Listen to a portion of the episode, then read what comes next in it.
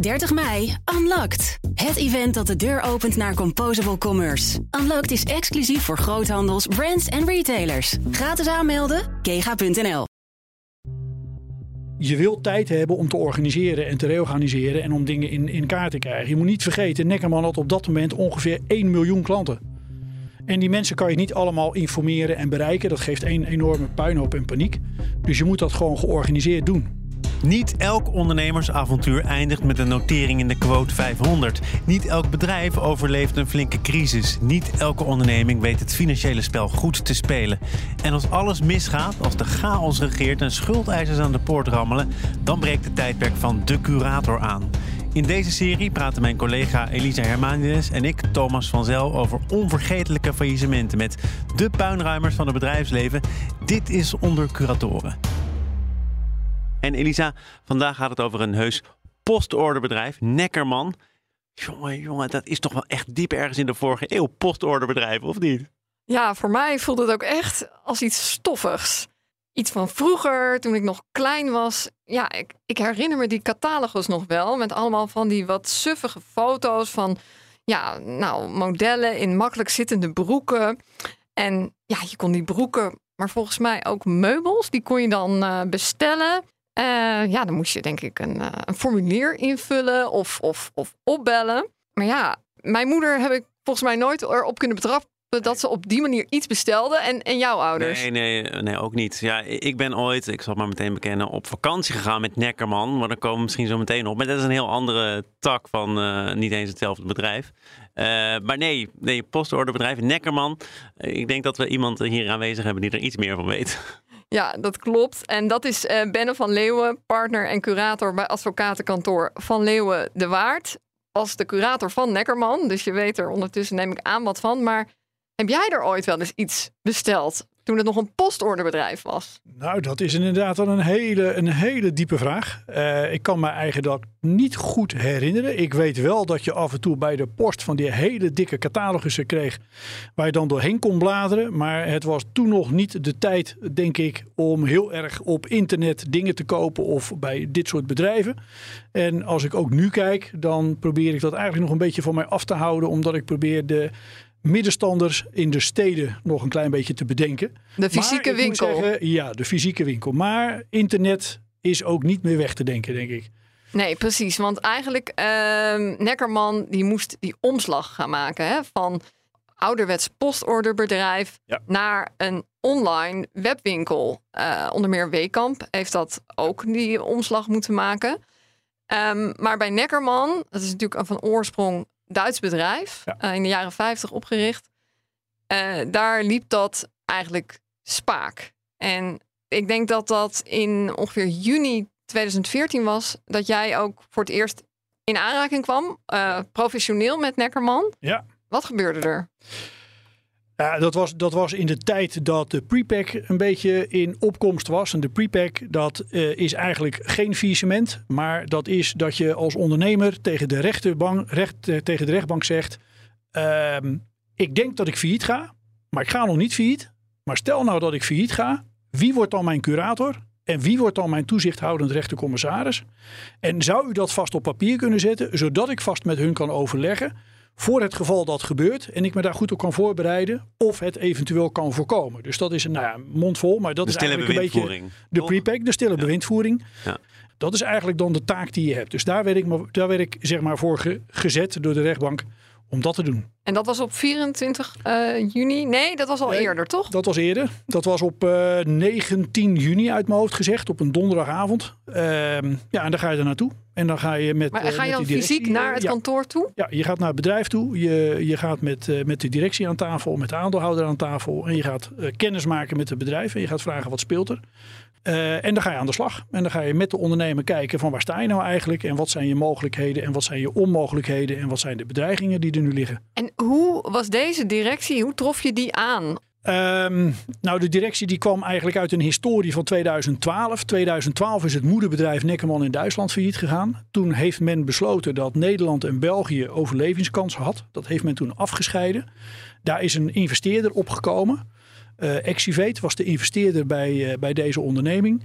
En die heeft de aandelen gekocht, die heeft de softwarebedrijven ingeschakeld en die is op zoek gegaan naar de omslag van de oude catalogus naar uh, het online uh, zaken doen. Maar dan moest er wel heel veel gebeuren. Ja, men had een reorganisatie doorgevoerd en uit mijn hoofd gezegd, ik weet de aantallen niet meer precies, maar had men ongeveer 250 tot 300 man personeel in 2012 in Nederland en België en dat had men al teruggebracht naar ongeveer een 150. Uh, en vanuit dat perspectief hebben ze geprobeerd die omslag te gaan maken van uh, de oude naar de, naar de nieuwe manier van, uh, van verkopen van hun, van hun producten. En die omslag is niet goed van de grond gekomen. Nee, want die omzet die daalde toen ook in een ja. paar jaar echt ongelooflijk hard. Hè? Ja. Dat je echt denkt van wat gebeurt hier? Ja. Was dat allemaal omdat toch andere online con concurrenten gewoon uh, ja, zoveel beter bezig waren en dat Neckerman toch uh, ja, dat niet kon bijhouden? Ik, denk, maar ik zat toen natuurlijk niet in die directie, dus ik weet niet hoe men toen gedacht heeft en wat men toen heeft meegemaakt. Maar ik denk wel dat men inderdaad die omslag niet goed heeft kunnen maken, waardoor andere bedrijven zich beter konden profileren en ze wat achter gingen lopen. Daarnaast, uh, als je natuurlijk een hele slechte uh, financiële positie hebt, is het ook steeds lastiger om te investeren en innovatief bezig te zijn. Wat je wel zag is dat, kijk, Neckerman, een postorderbedrijf is aan de ene kant een bedrijf die producten verkoopt. En aan de andere kant een bedrijf die financiering verkoopt. Ja, maar dan moet je even uitleggen, want je koopt daar op krediet, toch? 80%, 85% van de mensen die kopen, die kopen op krediet. En hoe gaat dat? Het postorderbedrijf verkoopt zeg maar een computer voor 1000 euro. Die verkoopt hij. En die klant die zegt, die koop ik. En dan wordt die doorgeschakeld naar een financieringsinstelling. Die financieringsinstelling verleent een krediet van 1000 euro. Die wordt betaald aan Neckerman. Dus Neckerman heeft voor zijn product geld ontvangen. En vervolgens gaat die financieringsinstelling bij die klant het geld in de loop van de jaren of van de maanden ophalen met rente.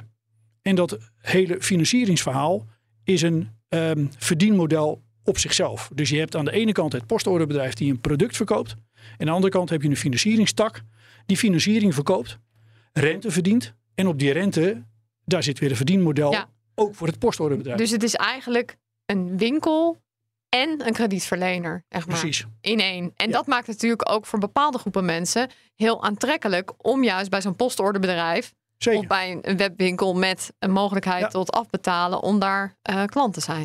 Dat is ook super gevaarlijk, hè? want juist de mensen die het eigenlijk niet kunnen betalen, die gaan bij zo'n postorderbedrijf iets bestellen en dan moeten ze een hoge rente betalen. Dat zien ze niet, want ze zien een termijnbedrag wat ze moeten betalen. Dat valt mee. En ze zien die broek die En ze willen. Het product wat ze willen hebben. Dus ja, eh, dat, dat is wat de mensen over de streep trekt. Ehm, en dan bijvoorbeeld bij, bij, bij Neckerman, wat ik me dan nog van herinner, is dat men 15% rente vroeg van de klant. En Jeetje. 5% moesten betalen aan de financiële instelling. En er zat dus 10% tussen, waar men zeg maar, als financiële instelling en als Neckerman samen eh, winst op kon Maar maken. die financiële instelling is de huisbank van Neckerman? Ja, dat was Valovis. Ik wil eerst even naar die eh, 24 juni. Want Ja. eerst eh, kwam je daar, maar toen heb je toch vrij snel geconcludeerd Ja. dat een faillissement onafwendbaar was. Ja. Waarom was dat zo? Ehm, omdat, eh, kijk, het eerste wat je vraagt in het kader van een prepack is: kun je nog je lopende rekeningen betalen? En de eerste mededeling die ik kreeg op 19 juni is: we moeten over twee dagen het personeel betalen, we hebben geen geld. Eh, we moeten eh, PostNL betalen, die al die pakketjes heen en weer rijdt. Eh 125.000 euro stond er open voor die week. Dat geld was er niet. Ehm, de bank die zat ertussen met een financiering, maar die had zijn plafond bereikt en die zei van we gaan niet meer verder financieren.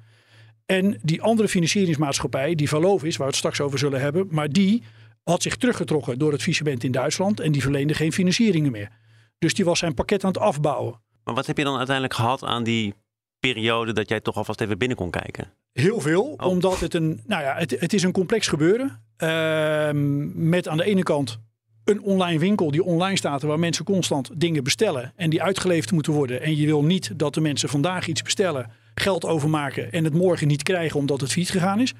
Dus je kreeg tijd om zeg maar je site op zwart te laten gaan, om het maar zo te zeggen. Hè? Want dat ga je dan organiseren. En dan zeg je nou oké, ik zie het faillissement aankomen. Dus op welke datum zetten we de site op zwart? Omdat ik weet dat ik dan ook niet meer mijn uitlevering eh, kan, kan waarborgen. Maar- maar ja, dus, daar, daar, dus, dus daar krijg je ook echt tijd voor om even te Ja. denken van, oh ja, het gaat failliet. Maar hoe gaan we dan om met inderdaad het feit dat mensen blij- blijven bestellen en dan zet je dus eigenlijk gewoon een harde knip in die website. Je zet gewoon... S'avonds om eh, 24 uur hebben we de website gewoon uitgezet. En gewoon op de site staat een mededeling. Wegens technische omstandigheden is de, eh, is de site niet bereikbaar. Maar dat is nog niet helemaal eerlijk, toch? Nou ja, dat is in ieder geval dat je op dat moment de mensen ervan weerhoudt om nog bestellingen te doen. Waarvan ik weet, als zij hem vandaag bestellen, kan ik hem morgen niet bij hun uit, uitleveren. Dus die mensen hebben dan ondertussen wel betaald. Dus het is juist schadebeperkend. Hè. Het is ter bescherming van. Nee, maar wat Elisa consument. bedoelt, en we kennen elkaar inmiddels een paar jaar, is natuurlijk dat je op die site niet zet. We zitten financieel zwaar weer. De toekomst van het bedrijf staat op het spel. Nee. Nu zou je kunnen denken, de server ligt eruit. Ja, maar wat is het verschil tussen de winkelier als je in de stad loopt en er staat een bordje op de raam van wegens omstandigheden tijdelijk gesloten? Ik weet als ik er langs loop wat er aan de hand is. Maar een gemiddelde burger denkt van er is misschien een opa of een oma overleden of zo. Of eh, wat is er gebeurd. Je wilt tijd hebben om te organiseren en te reorganiseren en om dingen in, in kaart te krijgen. Je moet niet vergeten, Neckerman had op dat moment ongeveer 1 miljoen klanten. En die mensen kan je niet allemaal informeren en bereiken. Dat geeft een enorme puinhoop en paniek. Dus je moet dat gewoon georganiseerd doen. En eh, nou, toen ging die, eh, die winkel ging op zwart. En vervolgens, ja, ja eh, gaan die dingen die nog wel besteld zijn, worden die nog wel geleverd? En, en hoe gaat het dan met retouren bijvoorbeeld? Ja, nou, de, de, de leveringen die hebben we, zeg maar, tot het moment dat wij zagen dat we niet meer konden leveren, hebben we keurig kunnen uitoefenen. Dus dat is gewoon gebeurd. Ehm, en daarna kwamen er heel veel retouren. En daar hebben we een knip in gemaakt. En we hebben gezegd van alle retouren onder de 100 euro, daar kunnen we eigenlijk niks mee, want dat is te duur om daar verder achteraan te gaan. Dus die boeken we af. En alle retouren boven de 100 euro, die gaan we proberen allemaal eh, eh, uit te oefenen.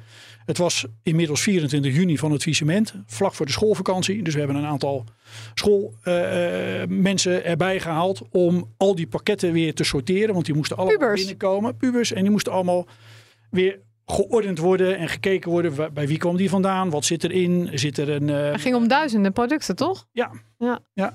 Laten we nu even gaan naar dat, ehm, nou ja, naar dat hele spel met die Duitse bank die eigenlijk dat krediet eh, verschafte. Hoe zat dat nou precies in elkaar?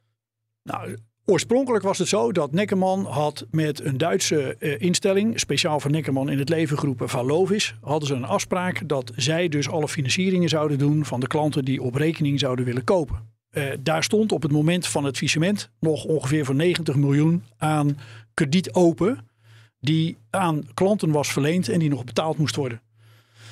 Die organisatie, als je zo'n organisatie niet hebt, kan je als postorderbedrijf eigenlijk je producten niet slijten. Want dan vraag je eigenlijk aan je klant dat hij eerst naar zijn eigen bank moet gaan om geld te lenen. Om dan vervolgens iets te kopen. Nee, het leuke is dat jij als postorderbedrijf je klant de financiering aanbiedt. Ja, precies. En dat trekt de klant over de streep om bij jou te bestellen. En die opening die was er niet meer. Want, want zij gingen stoppen, toch? Zij, zij, zij waren gestopt door het faillissement van Neckerman Duitsland. Was Valovis ook in Duitsland gestopt. En die zat in liquidatie. En die had nog een arrangement lopen met Neckerman Nederland. En dat arrangement liep 1 juli uit mijn hoofd gezegd van 2014 af. Maar was het dus eigenlijk sowieso En die werd vraag niet verlengd. Was het dan sowieso een vraag om een probleem? Als je zegt dat hing heel erg samen met dat faillissement van Neckerman Duitsland. Van Lovis zou stoppen. Maar in Nederland en België zou Neckerman toch nog een tweede kans krijgen. Ja, maar dan moeten ze dan toch wel. hoe dan ook eh, de gedoemd te mislukken, of niet? Nou ja, tenzij ze een goede financieringsmaatschappij konden vinden die eh Valovis 2.0 wilde worden. Maar dat lukte niet. En dat lukte ook om, niet. om gewoon een, Nee. een bank eh, in Nederland te vinden die dit. Nee. eh, of, of een misschien. Niet op een- deze voet en op deze grootte. Nee. Nee, dus, dat, dus eigenlijk eh, stond het eigenlijk al in de agenda dat dit mi- mis zou gaan, toch?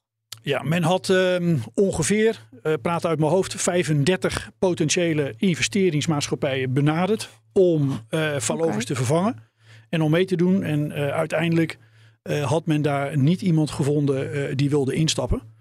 In België, hè, want we hadden ook een Belgische tak, daar hadden we wel een oplossing daarvoor, want die was al gevonden eh, door middel van Santander. Dus Santander was de bank daar, zeg maar, de Valovis van België was Santander. Die deed daar de kredieten, daar stond iets van 20 miljoen eh, uit. En er stond nog iets van 90 miljoen bij Verlovis uit. Eh, en er was geen nieuwe Verlovis 2.0, waardoor continuïteit kon worden gevonden in het verstrekken van financieringen. En dus geen ruimte was om je producten te verkopen. Nou ging eh, die omzet eh, tussen 2010 en 2014 ging omlaag van ongeveer 180 miljoen naar 100 miljoen. Ja. En dat heeft dat personeel natuurlijk, krijgt dat ook wel mee. Ehm, hoe was het om eh, ja, het personeel toe te spreken? Wanneer hebben jullie dat gedaan en Eh, waren die daarop voorbereid? Nou, mensen die een klein beetje in de onderneming meedraaiden, die wisten natuurlijk wel dat er iets te gebeuren was. Eh, maar het overgrote deel wist toch niet dat het zover was dat dit nu ging gebeuren. Maar er zou wel, eh, hè, dat was al vrij snel duidelijk, er zou wel een hele kleine doorstart komen, toch? Nou ja, dat was niet helemaal duidelijk. Ehm, eh, er is uiteindelijk een hele kleine doorstart gekomen, maar ik wil het eigenlijk geen doorstart noemen. Oh, Nou ja, er is de voorraad die er was, die is verkocht. En in overleg met de bank eh, is het verkocht aan een andere deelneming van de aandeelhouder. Eh, die daar zeg maar een hele een bescheiden doorstart mee heeft gemaakt. Maar met Op mensen een wel. andere locatie. Er hebben ook mensen toch nog wel eh, Ja. werk verricht. 15 geloof ik in totaal. Nou, er zijn 15 mensen overgegaan naar hun. Dus ze hebben uiteindelijk uit het personeel van 175 mensen... hebben ze 15 mensen geselecteerd die ze meegenomen hebben. Kijk, ik kan als curator geen personeel verkopen. Hè? De slavernij is afgeschaft. En maar goed ook. Dus ik mag geen mensen verkopen. Ehm, eh, dus als ik in een visement kom... het enige wat ik kan doen is tegen een koper zeggen... wil je alsjeblieft, als je mensen gaat aannemen voorrang geven aan mensen die binnen de organisatie aanwezig zijn, zodat zij de kans krijgen om te blijven werken. ja, toen zat je vervolgens ook nog natuurlijk met een boedel. Ja, waaruit bestond die boedel voornamelijk en eh, wat heb je daarmee gedaan?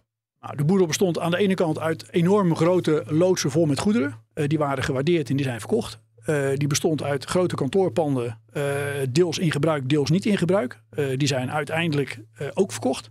En daarnaast hadden we allemaal sorteerlijnen. Deel is gewoon als oud metaal verkocht. En je had allemaal Oh ja. Eh, kledingrekken die met prachtige ingenieuze systemen door het hele gebouw heen en weer ge- be- bewogen konden worden. Nou, die moesten allemaal verkocht worden. Is het een beetje goed verkocht? Eh, Want eh, als je het zo, ja. zo bespreekt, denk ik, nou, dat heeft ook nog wel enige Ja. waarde. Of Ja. het is sentimenteel van belang. Misschien toch praktisch voor een particulier of een bedrijf. Aan de ene kant hadden we een heel groot oud pand midden in Hul staan tegen een woonwijk aan. ehm, waarvan iedereen dacht, ja, wat gaan we daarmee doen? Dat is uiteindelijk verkocht. En ik weet niet, er waren plannen om daar woningen te gaan ontwikkelen. Aan de andere kant van de weg, meer in het bedrijvengedeelte, stonden enorme warehouses. Echt van die hele grote vierkante dozen. Eh, die hebben we uiteindelijk verkocht aan een ander bedrijf die daar ook warehousing ging doen. Eh, en we hadden nog een kantoorgebouw in Terneuzen. En dat is gewoon aan een andere partij verkocht. Eh, en dan hadden we nog een winkel. Nou, al, de- al die, die, die locaties zijn uiteindelijk verkocht. Maar heeft wel wat tijd gekost. De eerste twee waren snel verkocht. En de laatste twee heeft denk ik drie, vier jaar geduurd voordat we daar een koper voor hadden. En alle inboedel hebben we in tranches verkocht. We hebben dat uiteindelijk uitbesteed aan een veilingbedrijf. Daar hebben we de drie een offerte laten uitbrengen. Eén daarvan hebben we gekozen.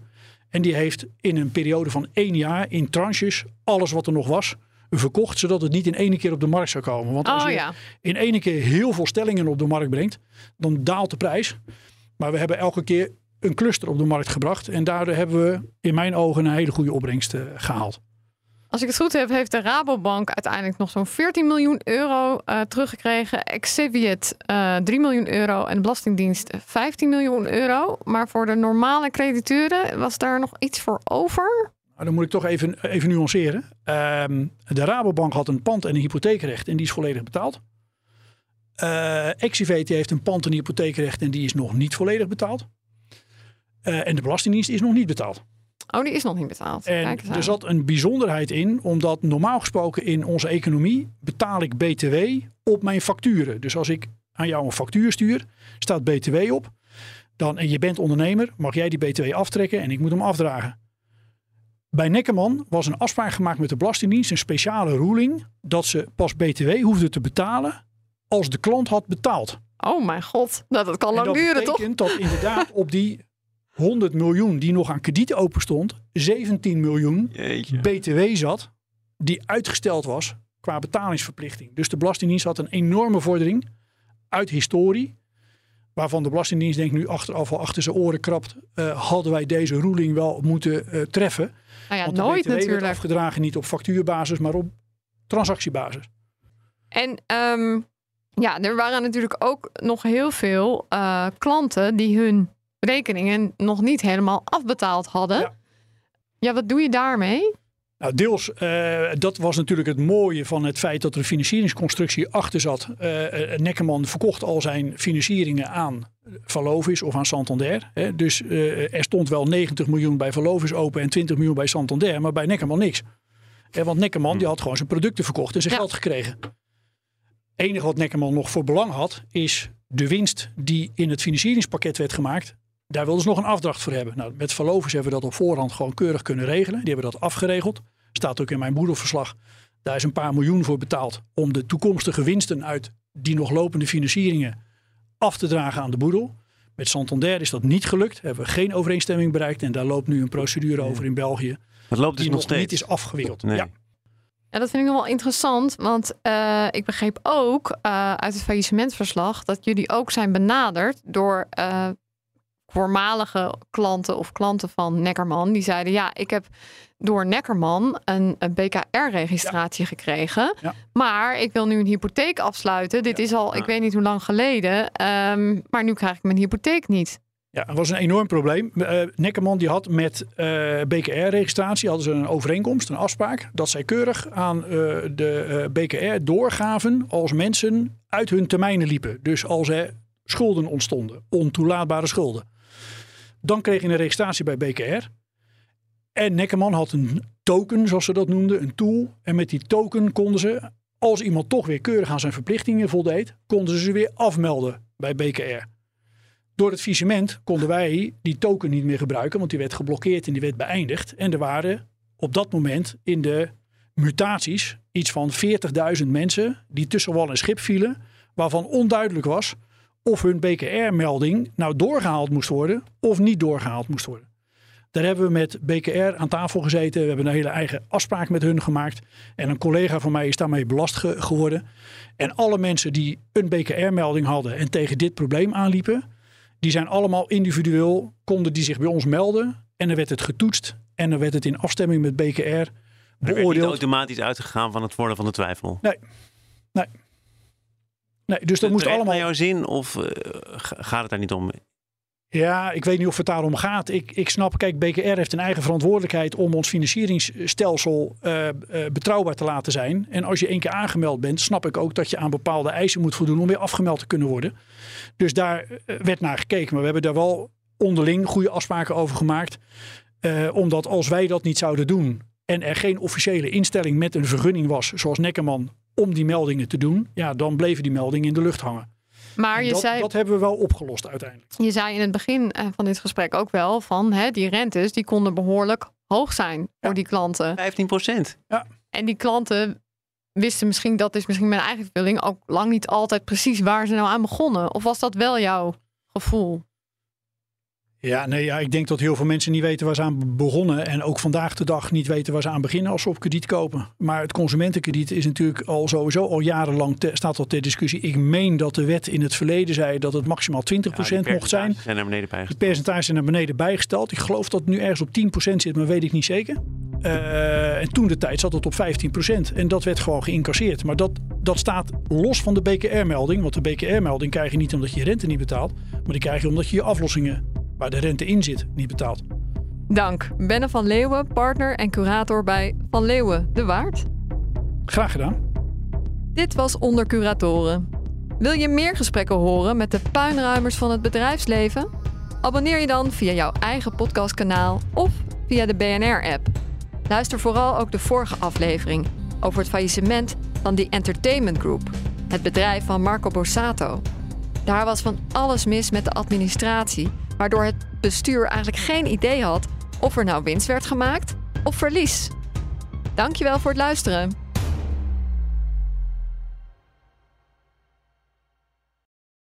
...30 mei, Unlocked. Het event dat de deur opent naar Composable Commerce. Unlocked is exclusief voor groothandels, brands en retailers. Gratis aanmelden, kega.nl.